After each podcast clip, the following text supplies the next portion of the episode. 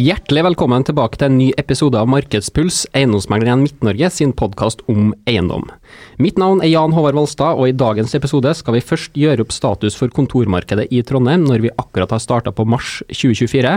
Men ikke minst så skal vi lære mer om områdeutvikling og byutvikling i denne episoden. Og for å diskutere det temaet, så er vi så heldige å ha med oss en veldig sentral aktør i utviklinga av Trondheim. Ole Petter Bjørseth, CEO i R. Kjelsberg, velkommen til podkasten. Ja, hjertelig tusen takk for det. Du har jo både takka ja til å være med i podkasten, men ikke minst så har du sagt deg villig til å dele både oppturer og nedturer fra snart 20 år med byutvikling, med utgangspunkt i å gjøre et litt eh, ja, skal vi si, grisgrendt industriområde på Sluppen til en viktig og vital del av Trondheim sentrum. Her er jeg helt sikker på at det er verdifulle læringspunkter både for dem som driver med eiendomsutvikling, og alle som har et hjerte for byen vår. Setter vi veldig pris på at du er med og deler. Og Rundt podkastbordet har vi også med oss Kent Roger Tangvik, leder for næringseiendom i Eiendomsmegleren Midt-Norge. Og Mai Susegg, leder for utleie, som da bl.a. betyr utleie av kontorarealer. Og Formålet med podkasten er som alltid å bringe ny kunnskap på bordet, og anvende den for å synliggjøre forretningsmuligheter i eiendomsmarkedet i Norge og i Midt-Norge. Men aller først, Ole Petter, for dem som ikke kjenner deg. Du har en veldig spennende CV. Du har et bredt engasjement for det du jobber med, og for byen vi bor i. Kan du si litt mer om den rollen som du bekler nå, det mandatet som du fyller? Ja, Om eh, CV-en er så spennende, det vet jeg ikke. Men eh, jeg har jo i hvert fall en eh, økonomisk palass med meg i og med at jeg har vært revisor og jobba i bank en rekke år. Begynte jo i Kjelsberg i 2006 og eh, tok over som eh, daglig leder i 2011, når Berit Kjelsberg slutta. Eh, og hadde vist et stort engasjement for eiendomsutvikling og byutvikling. Og det har jo vært en meget spennende reise fra jeg tok over i 2011 også, og frem til i dag. Så det har jo skjedd fryktelig mye, spesielt på sluppen.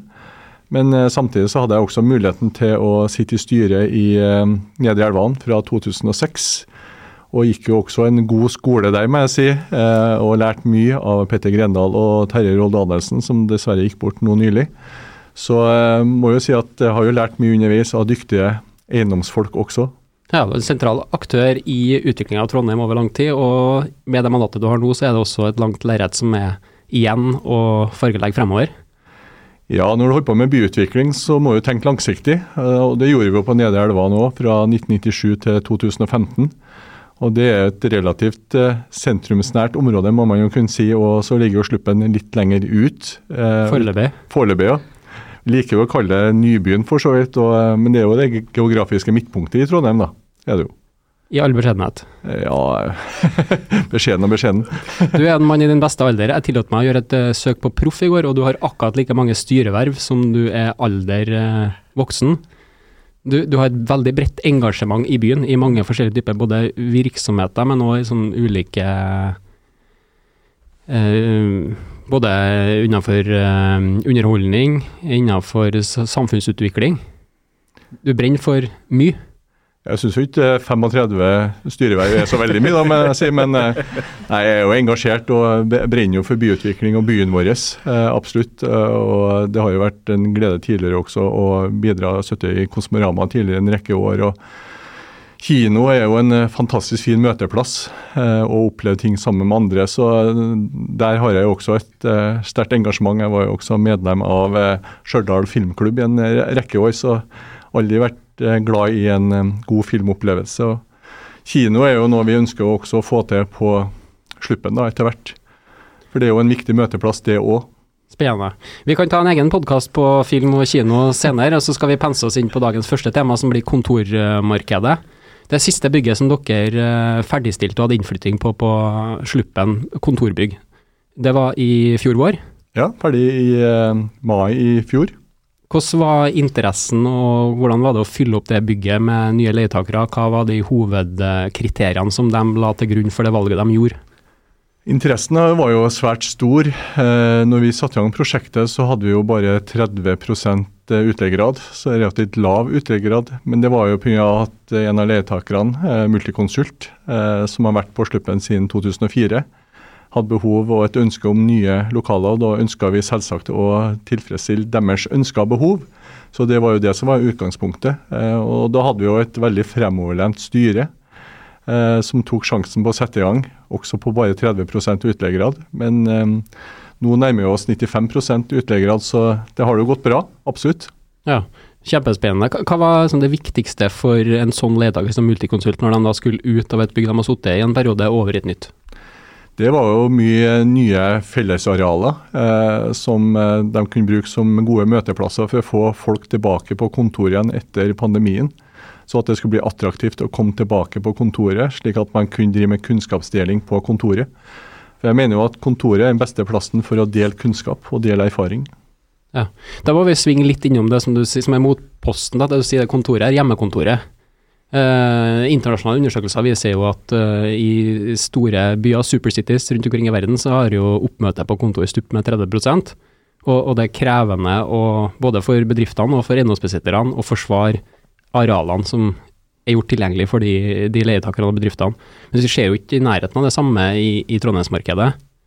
Eh, vi gjorde en undersøkelse nå i februar, sendte jo på vegne av Eiendomsmegler 1, hvor man har spurt uh, arbeidstakerne, uh, i hvilken grad de ønsker å se for seg å fortsette å bruke hjemmekontor fremover. Og sånn Overordna så svarer en fjerdedel at de ønsker å bruke hjemmekontor ukentlig.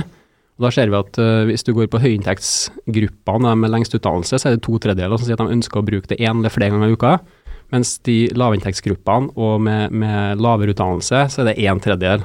Er det noen ting som du ser igjen i måten leietakerne bruker kontorene annerledes på nå kontra før pandemien?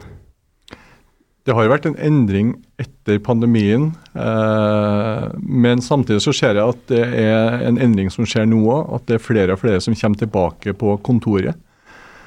Eh, og Det skyldes at eh, det er bedrifter som har tilrettelagt for at man ønsker å få eh, kollegaene sine tilbake på kontoret. Statkraft er et veldig godt eksempel på det. Man har investert mye penger i å, å omforme og transformere lokalene sine til å skape sosiale møteplasser. Så nå er jo eh, nesten alle tilbake på kontoret igjen.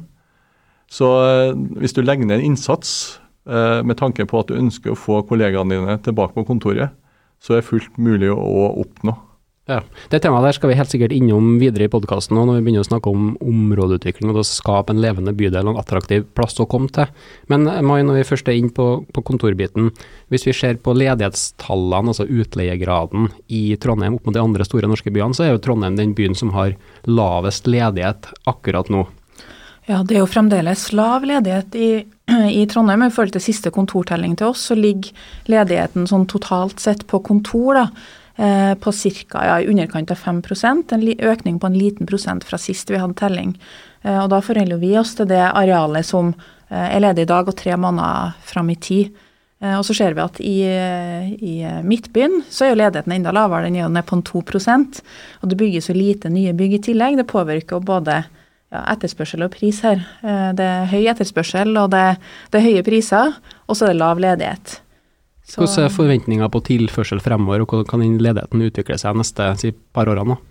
Ja, i, eh, i, Midtbyen så er det ikke så veldig mye tilførsel, men fram til eh, ja, neste tre årene så får vi vel tilført en tre nye kontorbygg med opptil en sånn totalt 80 000 kvadratmeter. Eh, men vi ser jo at nesten halvparten av det er jo allerede leid ut. Og så kommer det ganske få bygg etter det igjen.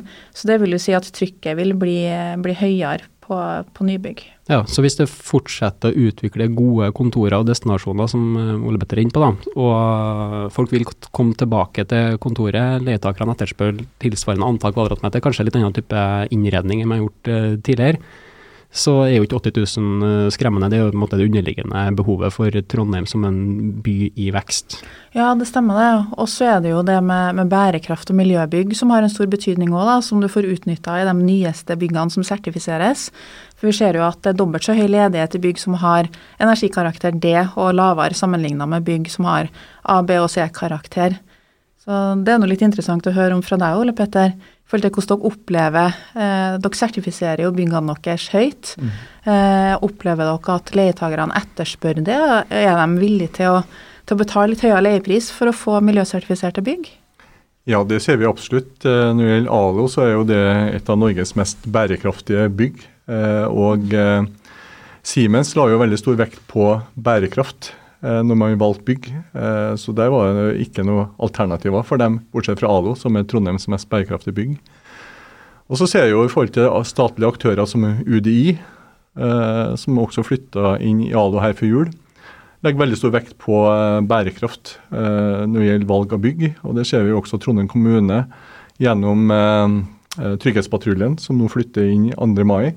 Så legger de veldig stor vekt på at det er et moderne bygg og med bærekraft eh, og høy bærekraftsertifisering. Så da er bærekraft opp på topp tre på valgkriteriene, og kan være absolutte kriterier hvor man velger bort mulige bygg? Det er det. Absolutt. Og det er kanskje noe som da eh, både statlige aktører, men ikke minst store internasjonale selskap legger eh, veldig stor vekt på det. Mm. Og, og, og, den utviklinga har vært ganske kraftig de siste årene. Mm. For det var ikke et absolutt kriterium på samme måte for fem år siden? Det var det ikke. Så det har eh, kommet, det har kommet for å bli? Ja, det har det absolutt. Mm. Og vil forsterke seg. Ja, og Da har du beliggenhet, da har du bærekraft, klima, energi, og så har du det siste som er leiepris det er fortsatt uh, viktig hva leieprisen eller totalkostnaden for uh, leietakeren per uh, ansatt er i et bygg. Ja, Det hender seg at de spør om det òg, for å si det sånn. Men vi opplever ikke at det er noen store diskusjoner om leieprisen og totalkostnaden. Det er andre ting som jeg er mer opptatt av faktisk enn selve leieprisen og totalkostnaden. Ja, Så det kommer etter en avklaring av om bygget er hensiktsmessig med tanke på beliggenhet, beskaffenhet ja, og tilbudet i bygget, om du har eh, fasiliteter som treningsrom, eh, gode sykkelparkeringsløsninger i bygget, om du har en god personalrestaurant osv. Sjekk ut det, og så kommer man til diskusjon og samtaler om eh, leieprisen. Det er ikke noen store diskusjoner om leiepris. Mm. Det er jo et fint uh, område å være megler i, Kent, når det ikke er noen diskusjon om leiepris. Ja, det er veldig, veldig interessant. Og så er det spennende, Ole Petterson. Dere har jo bygd flere nybygg nå i et marked som på en måte bedre byggekostnader er steget, finanskostnadene har steget. Leieprisene er jo fortsatt ikke kjempehøye for nye arealer i Trondheim. Har dere hvordan har dere liksom klart å realisere de nybyggene, da, når han opplever at uh, mange ikke klarer det i dag, for at leia henger ikke med på det kostnadsbildet? Er det, tenker dere så langsiktig at, eller er det fire nytt på avkastningskrav, eller hvordan er strategien der? Nei, Vi firer ikke noe på avkastningskravene, men så var det noe heldige når vi da kontraherte eh, prisen for det siste kontorbygget vårt eh, kontrahert i 2020. Da fikk vi jo relativt gunstige priser. Så blir jo vi jo utsatt for eh, det høyere rentenivået. Mm. Men eh, vi har jo da sikra 60 av uh, gjelda vår. Så du, du, får ikke så stor effekt eh, inn i regnskapet vårt. Og heller ikke på likviditeten. Nei, Vi snakka litt om finansiering sist. og Merker dere banker stiller krav, EU vil stille krav, det her med grønne bygg. Merker dere allerede at dere er en attraktiv lånetaker med tanke på porteføljen deres? Det merker vi godt, ja. ja. ja så vi opplever ikke at det er noe problem å få verken refinansiering eller å få tilgang på ny kapital. Mm. Så det er vi veldig komfortable med. Så leieprismessig, altså, du kjører på et nivå som gjør at eh, det er akseptabelt for de leietakerne, ja. og de kommer og vil være. Ja. Uh, men vi ser at sånn, leia har jo utvikla seg veldig i Trondheim de siste bare tre årene hvor, hvor toppleia nå har passert godt over 3000, og det, det, det er ikke uvanlig lenger. Nei. Og du ser tilfeller over 4000.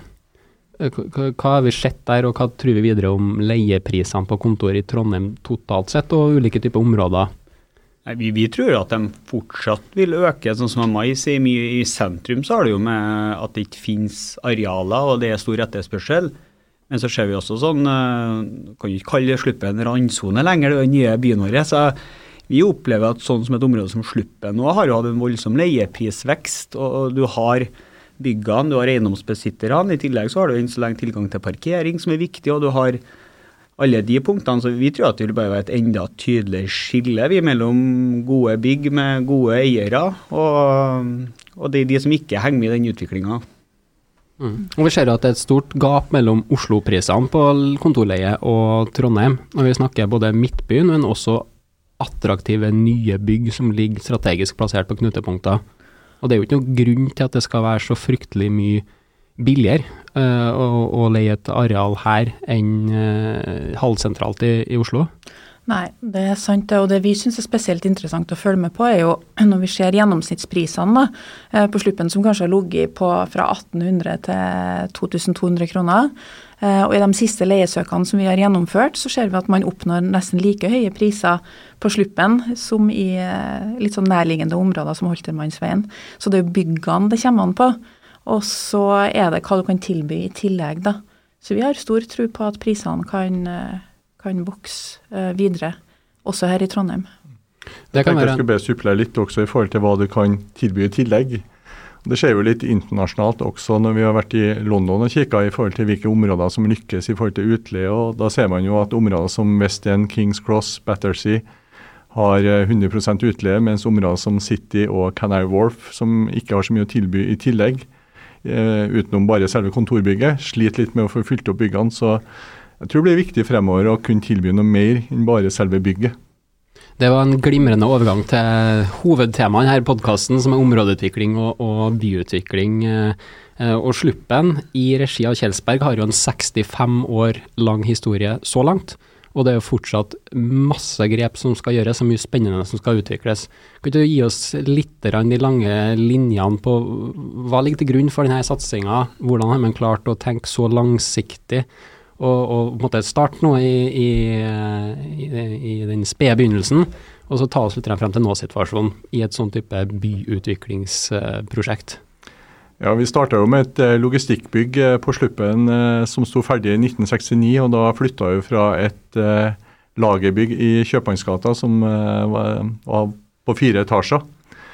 Og så hadde man behov for å effektivisere og flytte eh, logistikkhåndteringa ned på én etasje. Og så så man hvor var den beste beliggenheten hen. Jo, det var på Sluppen. Eh, og det så man allerede i 67 når man kjøpte tomta. Så eh, Kjelsberg-familien, kanskje spesielt også Francis Kjelsberg, har hatt en usvikelig stor tro på Sluppen sin beliggenhet. og Sånn var det jo også når Siemens sin eiendom kom til saks i 2003 og vi kjøpte den i 2004. Så sa han det her er bare en tomt som må kjøpes, og det gjorde vi, i sterk konkurranse også med andre. Eh, og vi visste ikke helt hva vi skulle utvikle den eiendommen til. Eh, vi hadde egentlig ikke noen gode planer, men den eiendommen måtte vi ha, for det var en god beliggenhet. Og så begynte vi å bygge noen lagerbygg. Eh, så bygde vi et industribygg. Og i 2007 så bygde vi det første kontorbygget, som var på det tidspunktet kalt Visma-bygget. Og vi jobber fortsatt med å bygge en næringspark. Trondheim næringspark var tematikken. Men så fikk vi jo en ny eh, arealdel til kommuneplanen i 2012 som åpna opp for sentrumbebyggelse på Sluppen. og Det ga oss noen nye muligheter til også å tenke nytt. Og tenke nytt er jo også en av kjerneverdiene våre. Eh, og Da så vi at nå må vi begynne å planlegge for å få inn boliger, slik at vi kan bygge en eh, god og blanda bydel som har et variert innhold og et spennende innhold så eh, det var fra 2011-2012 at vi begynte å tenke litt mer helhetlig i forhold til utvikling av Sluppen, og så litt nærmere på innholdet. Så det ikke lenger ble bare næring. da. Mm. Så Den tilnærminga er jo rake motsetninger til når et eiendomssyndikat uh, tar tak i en eiendom og har et femårsperspektiv med maksimal belåning og en tydelig exit. For her har man tatt, tak i et område, så kjøpt tomte som man egentlig ikke vet hva man skal med, men man har en visjon for å utvikle et område. Og så er det så langt perspektiv at bruken av området endrer seg underveis. Og man tilpasser seg markedssituasjonen og, og utvikling av byen, egentlig. For, for Sluppen var ikke noe sentralt område i 67. Jo, kjempesentralt. Med tanke, på, med tanke på, på, på, trafikk var jo det. På trafikk så var det. Men, men hvis du tenker sånn, den opplevde avstanden til Midtbyen, så må den ha krympa noe voldsomt i den perioden? Den har jo krympa vesentlig, men fortsatt så er det jo noe vi sliter litt med i forhold til den opplevde avstanden ut til Sluppen. Men klart, når vi har fått de to nye metroholdeplassene som sto ferdig i juni i fjor, og det går busser hvert andre minutt, eh, og jeg kan ta buss, og så går det bare en tre-tre og et halvt minutt bort til eh, kontorbygget vårt, så eh, har det nok klart mye å si i forhold til opplevd avstand. Og så har vi selvsagt eh, jobba mye med Lager 11. Eh, et, et, tilbud ikke bare til dem som kontorleietakere, men også et tilbud til resten av byen. Og Det har jo vært et eh, verktøy, et virkemiddel for å få folk til å komme til Sluppen og oppleve at oi, her var ikke langt å forra. Eh, og i 2023 så var det jo over 92 000 besøkende til Lager 11, og det er vi fantastisk godt fornøyd med. Eh, for det var jo uten et uh, reelt buss tilbud i 2023 fram til og med juni i fjor. Så eh, det gleder meg når vi da passerer eh, 100 000 besøkende til Lager 11 på Sluppen. Mm. Men der har dere jo virkelig fått det nå. Jeg bor jo sjøl på Rossen på sørsida, og, og, ganske mange sykkelturer siste halvåret som har endt på Sluppen i stedet mm. for til Midtbyen. da. Ja. Og det er nettopp både med klatretilbudet, men mat og ja, friområdet, liksom det som skjer der. da. Mm. Så der, der er, tror jeg veldig mange i Trondheim setter pris på. Jeg tror du er innpå noe at dere har klart å skape noe mer enn bare en arbeidsplass, og litt den hele destinasjon, ny bydel. Det tror jeg er litt av nøkkelen for å få det til. Vi skal inn på den miksen og det, og det med type virksomheter, leietakere. Det kommer jo en miks her nå av næring og bolig etter hvert. Men først, når vi først var inne på de lange linjene politisk, så er det jo en del skifter i en by som Trondheim i denne perioden òg? Ja, alt eh, handler om mennesker. da. Så eh, det er jo viktig å ha en god dialog eh, med også nye politikere. Nå var det jo et politisk skifte her i fjor. Og du fikk inn en, en, ganske stor andel nye politikere som ikke har sittet i bystyret tidligere og kom inn i sentrale posisjoner. Og Da er det litt eh, vår oppgave, kanskje spesielt min oppgave, å ha den gode dialogen og forklare litt hvilke tanker vi har om byutvikling på Sluppen osv., slik at de får det litt under huden eh, i forhold til hva vi, vi tenker. da. Ja, så kan man jo tenke seg at det er utviklinga av en eh, moderne by, så er det politikerne som skal trekke de lange linjene. Men i tilfellet her så er det en privat aktør som trekker de lange linjene, og så er det nye politikere som kommer og går. Ja, jeg tror det handler mye om et samarbeid, eh, å få eh, samarbeidet til å fungere på en god måte. Eh, og Da er dialog en veldig viktig forutsetning. Da. Ja, men Det tror jeg er veldig sant, for vi snakker mye om politisk risiko. Vi som meglere merker jo veldig liksom, betydning av det i verdi da, for en eventuelt noen som skal selge eller realisere den uklarheten. Jeg tror at dere har klart å håndtere den risikoen gjennom som du sier, god dialog, vise eierskap og få til et samarbeid da, som egentlig har satt dere i førersetet for å utvikle bydelen deres. Det tror jeg også handler om å bygge eh, tillit, eh, og tillit til oss som selskap. Mm. Eh, og tillit til de menneskene som jobber i R. Og Det er noe man har bygd opp over tid. og når man har sett at Vi var med på Nedre Elvehavn, og vi fikk jo byutviklingsprisen for Nedre Elvehavn i 2010. Og så fikk vi byutviklingsprisen eh, for Sluppen i 2023. Eh, og Det setter jo veldig pris på at det blir lagt merke til det vi gjør. og Det er jo en tillitserklæring egentlig i forhold til hva vi har gjort og de planene vi har videre fremover. Det er en veldig sammensatt oppgave å utvikle et sånt område, eh, så da må man jo ha noe inspirasjon. Så jeg har jo forstått at det er ikke sånn at du nødvendigvis ser til Lade og ser på inspirasjon derfra. Like før at en annen by som begynner på L, blant annet. Ja, London tenker på? Nei, nå er det Liverpool som var innspillet her, da. Uh, si litt om det. Hvordan dere på en måte søker inspirasjon, ser til andre, enten bransjer eller i hvert fall geografiske områder? Ja, nå har vi vært i både London og Liverpool, men vi har jo vært uh, mye i Liverpool. og Det starta jo med for så vidt at jeg ble Liverpool-supporter i 1974 og etter hvert begynte å dra på kamper. Og, Så helt objektivt er det ikke? Nei, nei selvsagt ikke. Det må være litt subjektivitet her. Så jeg opplevde jo byen, eh, og ikke minst menneskene. Eh, og det er jo, eh, som jeg sier, og sa når jeg var i Liverpool uka her, at it's great people who makes great cities. Og det er jo mennesker som skaper gode byer. Det opplevde jeg etter hvert de fantastiske menneskene som er i Liverpool, og hva de klarer å få til. Veldig kreative mennesker.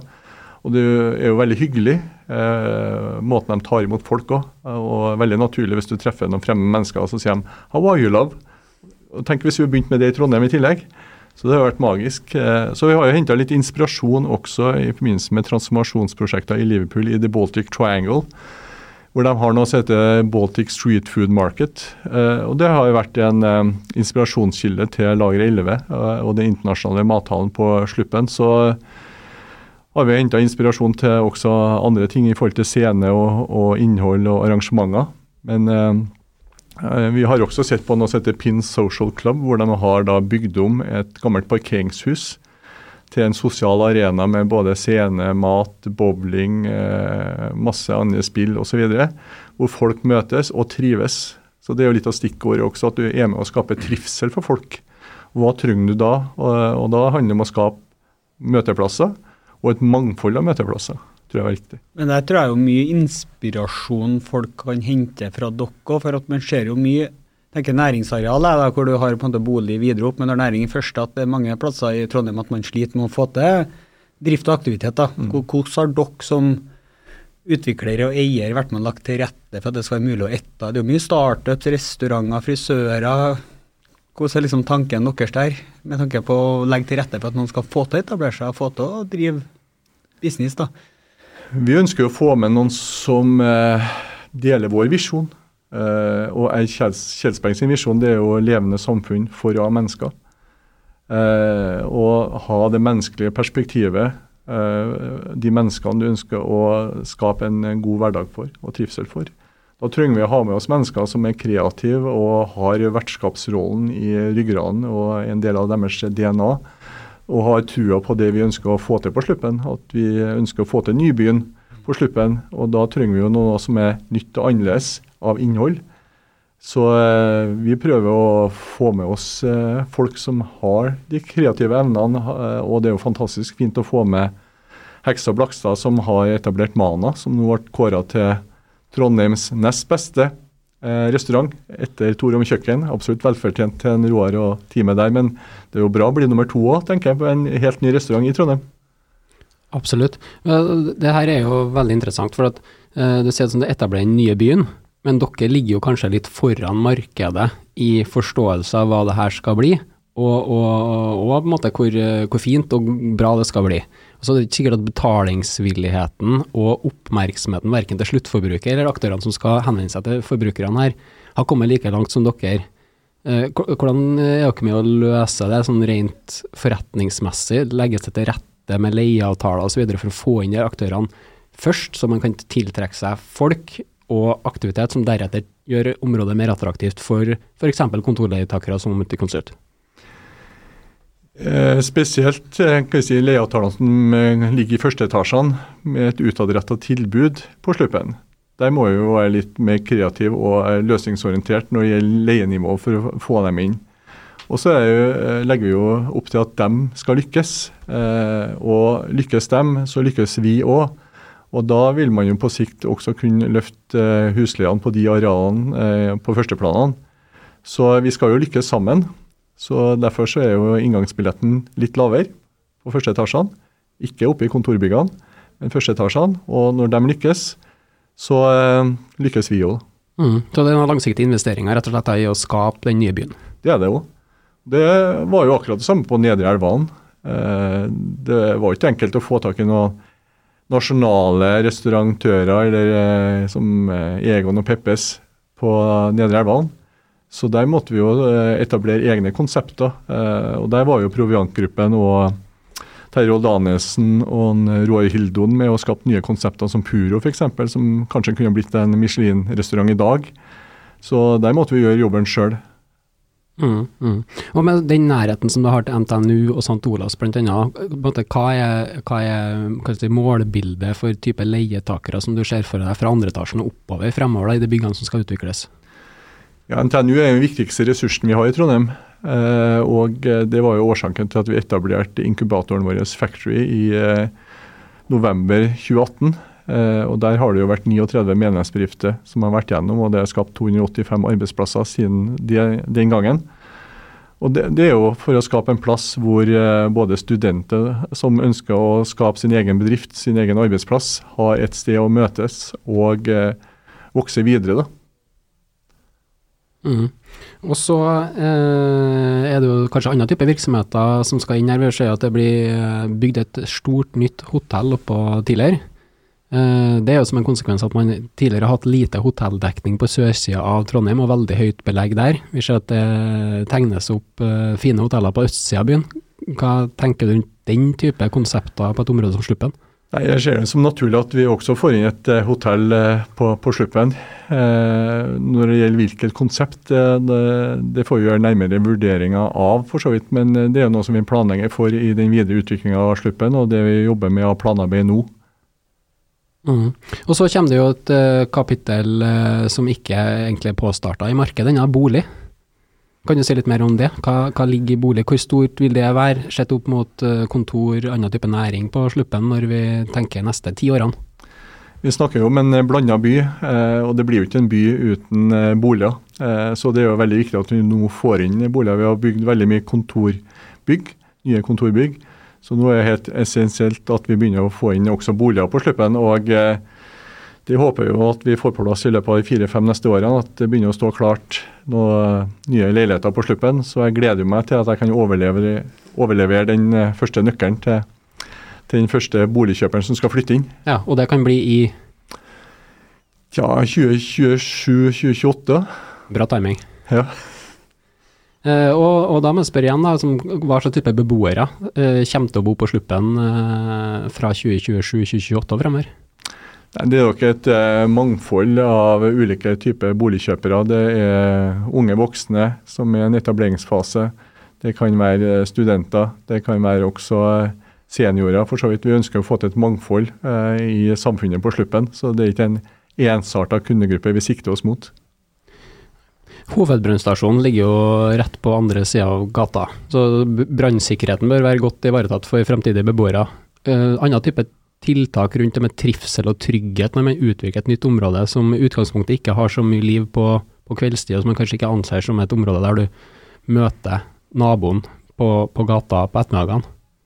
Det er jo viktig å få til god belysning eh, der du ferdes eh, i gatene. Eh, god belysning eh, er jo veldig bra.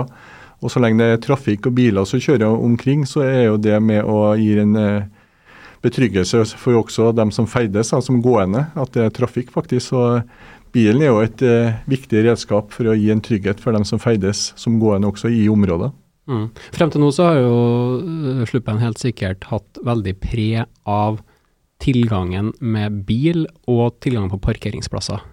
Og så er det som du sier, det er utvikla noen metrobusslinjer som eh, øker frekvensen og tilgangen kollektivt. Eh, hvordan ser du for deg den balansen fremover, og hva er det som blir sluppen sitt pre opp mot andre boligområder i fortsettelsen? Jeg tror det er flere ting. Eh, og Det viktigste er nok at det vil være en blanda by med et stort antall forskjellige møteplasser. Som vil dekke mange forskjellige målgrupper. Det kan være restauranter, kafeer, bibliotek, kino, Eh, kanskje et lite golfsenter, det trenger vi kanskje også. Og så har vi jo den fantastiske Smidalen som ligger der. Det er en bypark på 130 mål. og Går du gjennom den, så kommer du ned til Nidelvstien. og Kan fortsette videre opp til Nedre Leifoss og kanskje videre opp til Klæbu etter hvert. Så det er en eh, juvel som kanskje ikke mange er klar over, eh, verken Smidalen eller eh, tilgangen til Nidelvstien. Så det vil nok være et av de preene for Sluppen når det kommer til boligutvikling. Høres ut som du har skrevet ferdig prospektet allerede. ja, jeg gleder meg. Herlig. Men jeg er tilbake på det med, med, med adkomst. På en måte den balansen mellom kollektivt og, og bilbruk. For det er klart at uh, med de begrensningene som nå blir på antall parkeringsplasser, både på kontorareal, men òg på boliger i det som er i og rundt Midtbyen, og òg i andre nye boligområder, hvordan tenker du Sluppen posisjonerer seg der? Vil det være en bilbasert plass å bo, eller blir det en kollektivbasert plass å bo og jobbe? Det vil nok være en, kombinasjon, men uh, i og med at vi har en såpass god beliggenhet i forhold til uh, kollektivtransport, uh, så vil det nok være basert på kollektivtransport i årene fremover også. Det er jo det geografiske knutepunktet i Trondheim. Og etter hvert når man nå har fått på plass Nyårsbrua med også Byåsen-tunnelen i sikte, den ser jeg i det fjerne, mm. og, og, da vil du også få kollektivforbindelser fra Byåsen-sida, fra Munkhold og ned til Sluppen, før man da eventuelt kjører videre på omkjøringsveien. Så kollektivforbindelsen på Sluppen vil bare bli likere og likere. Eh, og da er det mange som vil ta valget at da velger jeg heller å ta kollektivt på vei til jobben enn å bruke bilen. Mm. Men enn så lenge så er tilgang til parkeringsplasser på Sluppen viktig for dem som flytter inn som leietakere på kontoret? Nei, ikke alle.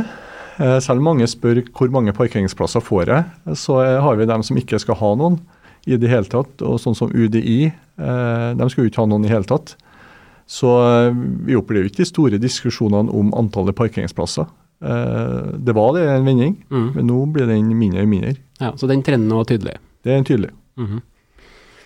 Um, uh, nå er det jo sikkert forskjellige definisjoner på geografien, sluppen, men hvordan ser du på de nærliggende områdene? Det skal jo skje fryktelig mye på Tempe, det, skje, det skjer mye vannsveien, altså hele aksen fra Midtbyen via NTNU og utover til det som vi nå har snakka om som sluppen. Hvordan er samspillet? Kompletterer det hverandre? Utfordrer det hverandre? Nei, Jeg opplever at det komplementerer det som vi gjør på Sluppen. Og det er bra all den utviklinga som skjer fra Midtbyen og utover til Sluppen. Eh, at du får en bebyggelse, at det blir liv i eh, første etasjene i byggene utover på vei til Sluppen, i Holtermannsveien f.eks. At det skjer noe der. Eh, at det i hele tatt skjer noe hele veien ut til Sluppen. Er bare positivt for vår utvikling av Sluppen. Det er jo solgt en del eiendommer i Sorgenfri og Tempeveien siste årene. Har du sittet med budskjema du, eller har du alltid vært tro til det området dere jobber i, eller har det frista for Kjelsberg å tenke enda større?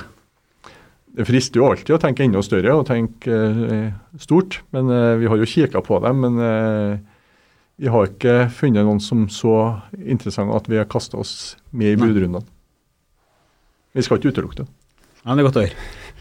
Hva, hva, hva, vil du si noen, hva, hva det absolutt viktigste for, for, dere å ha fokus på de neste tre til fem årene for å fortsette den positive utviklinga og, og, og, kunne ligge litt i forkant av markedet, kanskje de må gjøre det her til den nye byen, som du sier, og et attraktivt område både for kontorleietakere, men etter hvert også da for beboere? Eh, vi har jo begynt med detaljreguleringsplanen på, på Sluppen nå, eh, og skal jobbe med den eh, sammen med Trondheim kommune. Eh, og Da er det viktig å få på plass eh, viktige brikker som eh, boliger, studentboliger, hotell, nye kontorprosjekter, dagligvarebutikk, apotek, den type servicefunksjoner, nye møteplasser, kanskje bibliotek, kino. Så det blir et ytterligere mangfold for de som skal bo og jobbe på Sluppen. Så Det er noe viktigste, å øke mangfoldet og tilbudet ja, og da er det en del av den nye visjonen at man skal kunne bo og jobbe og oppholde seg på sluppen og få dekt alle behov der? Det er det. Eh, tidligere så snakka vi om 15-minuttersbyen. Eh, nå er det mer femminuttersbyen. I gangavstand? Gangavstand. Nå går jeg veldig fort, da, må jeg si. Men Mai, eh, når du jobber med leietakere, merker du at det fortsatt, hvis de har sikta seg inn på sentrum, er, får vi dem på sluppen sånn ved en enkel prat, eller er det fortsatt litt sentrum-sentrum på ja, de som, som, ønsker å ha kontorer i Midtbyen, de er jo veldig fokusert på Midtbyen. Men nå ligger jo Sluppen i sentrum da, av Trondheim. Mm. så den aksen der tror jeg blir kortere og kortere. Ja. For når alt blir lagt til rette, og den opplevde avstanden ikke lenger blir så lang, Eh, og man har de tilbudene rundt da, som gjør at du ikke må inn til Midtbyen for å få dekket de andre behovene, så tror jeg at det blir lettere og lettere å få leietagere ut til, til alle områder. Og det ser vi jo i forhold til utleiegraden til Kjelsberg på Sluppen òg. Mm. Og det er jo flere og flere som liker å tanke nå, da, for så vidt å være etablert i nybyen, som jeg liker å si om Sluppen. Og liker å flytte ut fra gammelbyen, for så vidt, og oppleves som litt eh, fremoverlent og nytenkende. Jeg er helt enig. Jeg som megler og glad i byen, så er jeg veldig glad vi har aktører som Berg Kjelsberg, som virkelig brenner for å utvikle et område. Det tror jeg alle vil kjenne på. Herlig. Jeg tror det er et greit uh, tidspunkt å sette punktum for uh, denne uh, praten. Helt ubeskjedent så oppsummerer vi med at Trondheim nå antageligvis har det beste kontorleiemarkedet i, i Norge, med tanke på etterspørsel ledighet. Det vil komme en del arealer ferdigstilt de neste to-tre årene, men ikke mer enn at vi tror at det bærer godt, og at det fortsatt er oppside i leieprisutviklinga i, i, Trondheim. Og så har vi snakka om byutvikling og områdeutvikling, og tar med oss at miksen av eh, type leietakere, aktiviteter som skjer utafor en arbeidssituasjon, men ikke minst etter hvert også bolig, er en forutsetning for å utvikle et godt nytt byområde. Og det skader ikke at en aktør som er langsiktig, som er godt kapitalisert, som kan ligge litt i forkant av markedet og være med å trekke i trådene på sånn måte at det blir attraktive, gode tilbud. Og så var det noen ting jeg noterte meg fra det du sa innledningsvis. Eh, mennesker som deler visjonen om å skape levende samfunn, det vil alltid være en drivkraft som er sterk for å få til noen ting. Det er det, absolutt. Da sier vi tusen takk for at du var med og delte i dag, og hvis det er spørsmål til oss gjennomsmålere igjen, eller til Kjelsberg, så er det nok bare å ta kontakt. Takk for meg.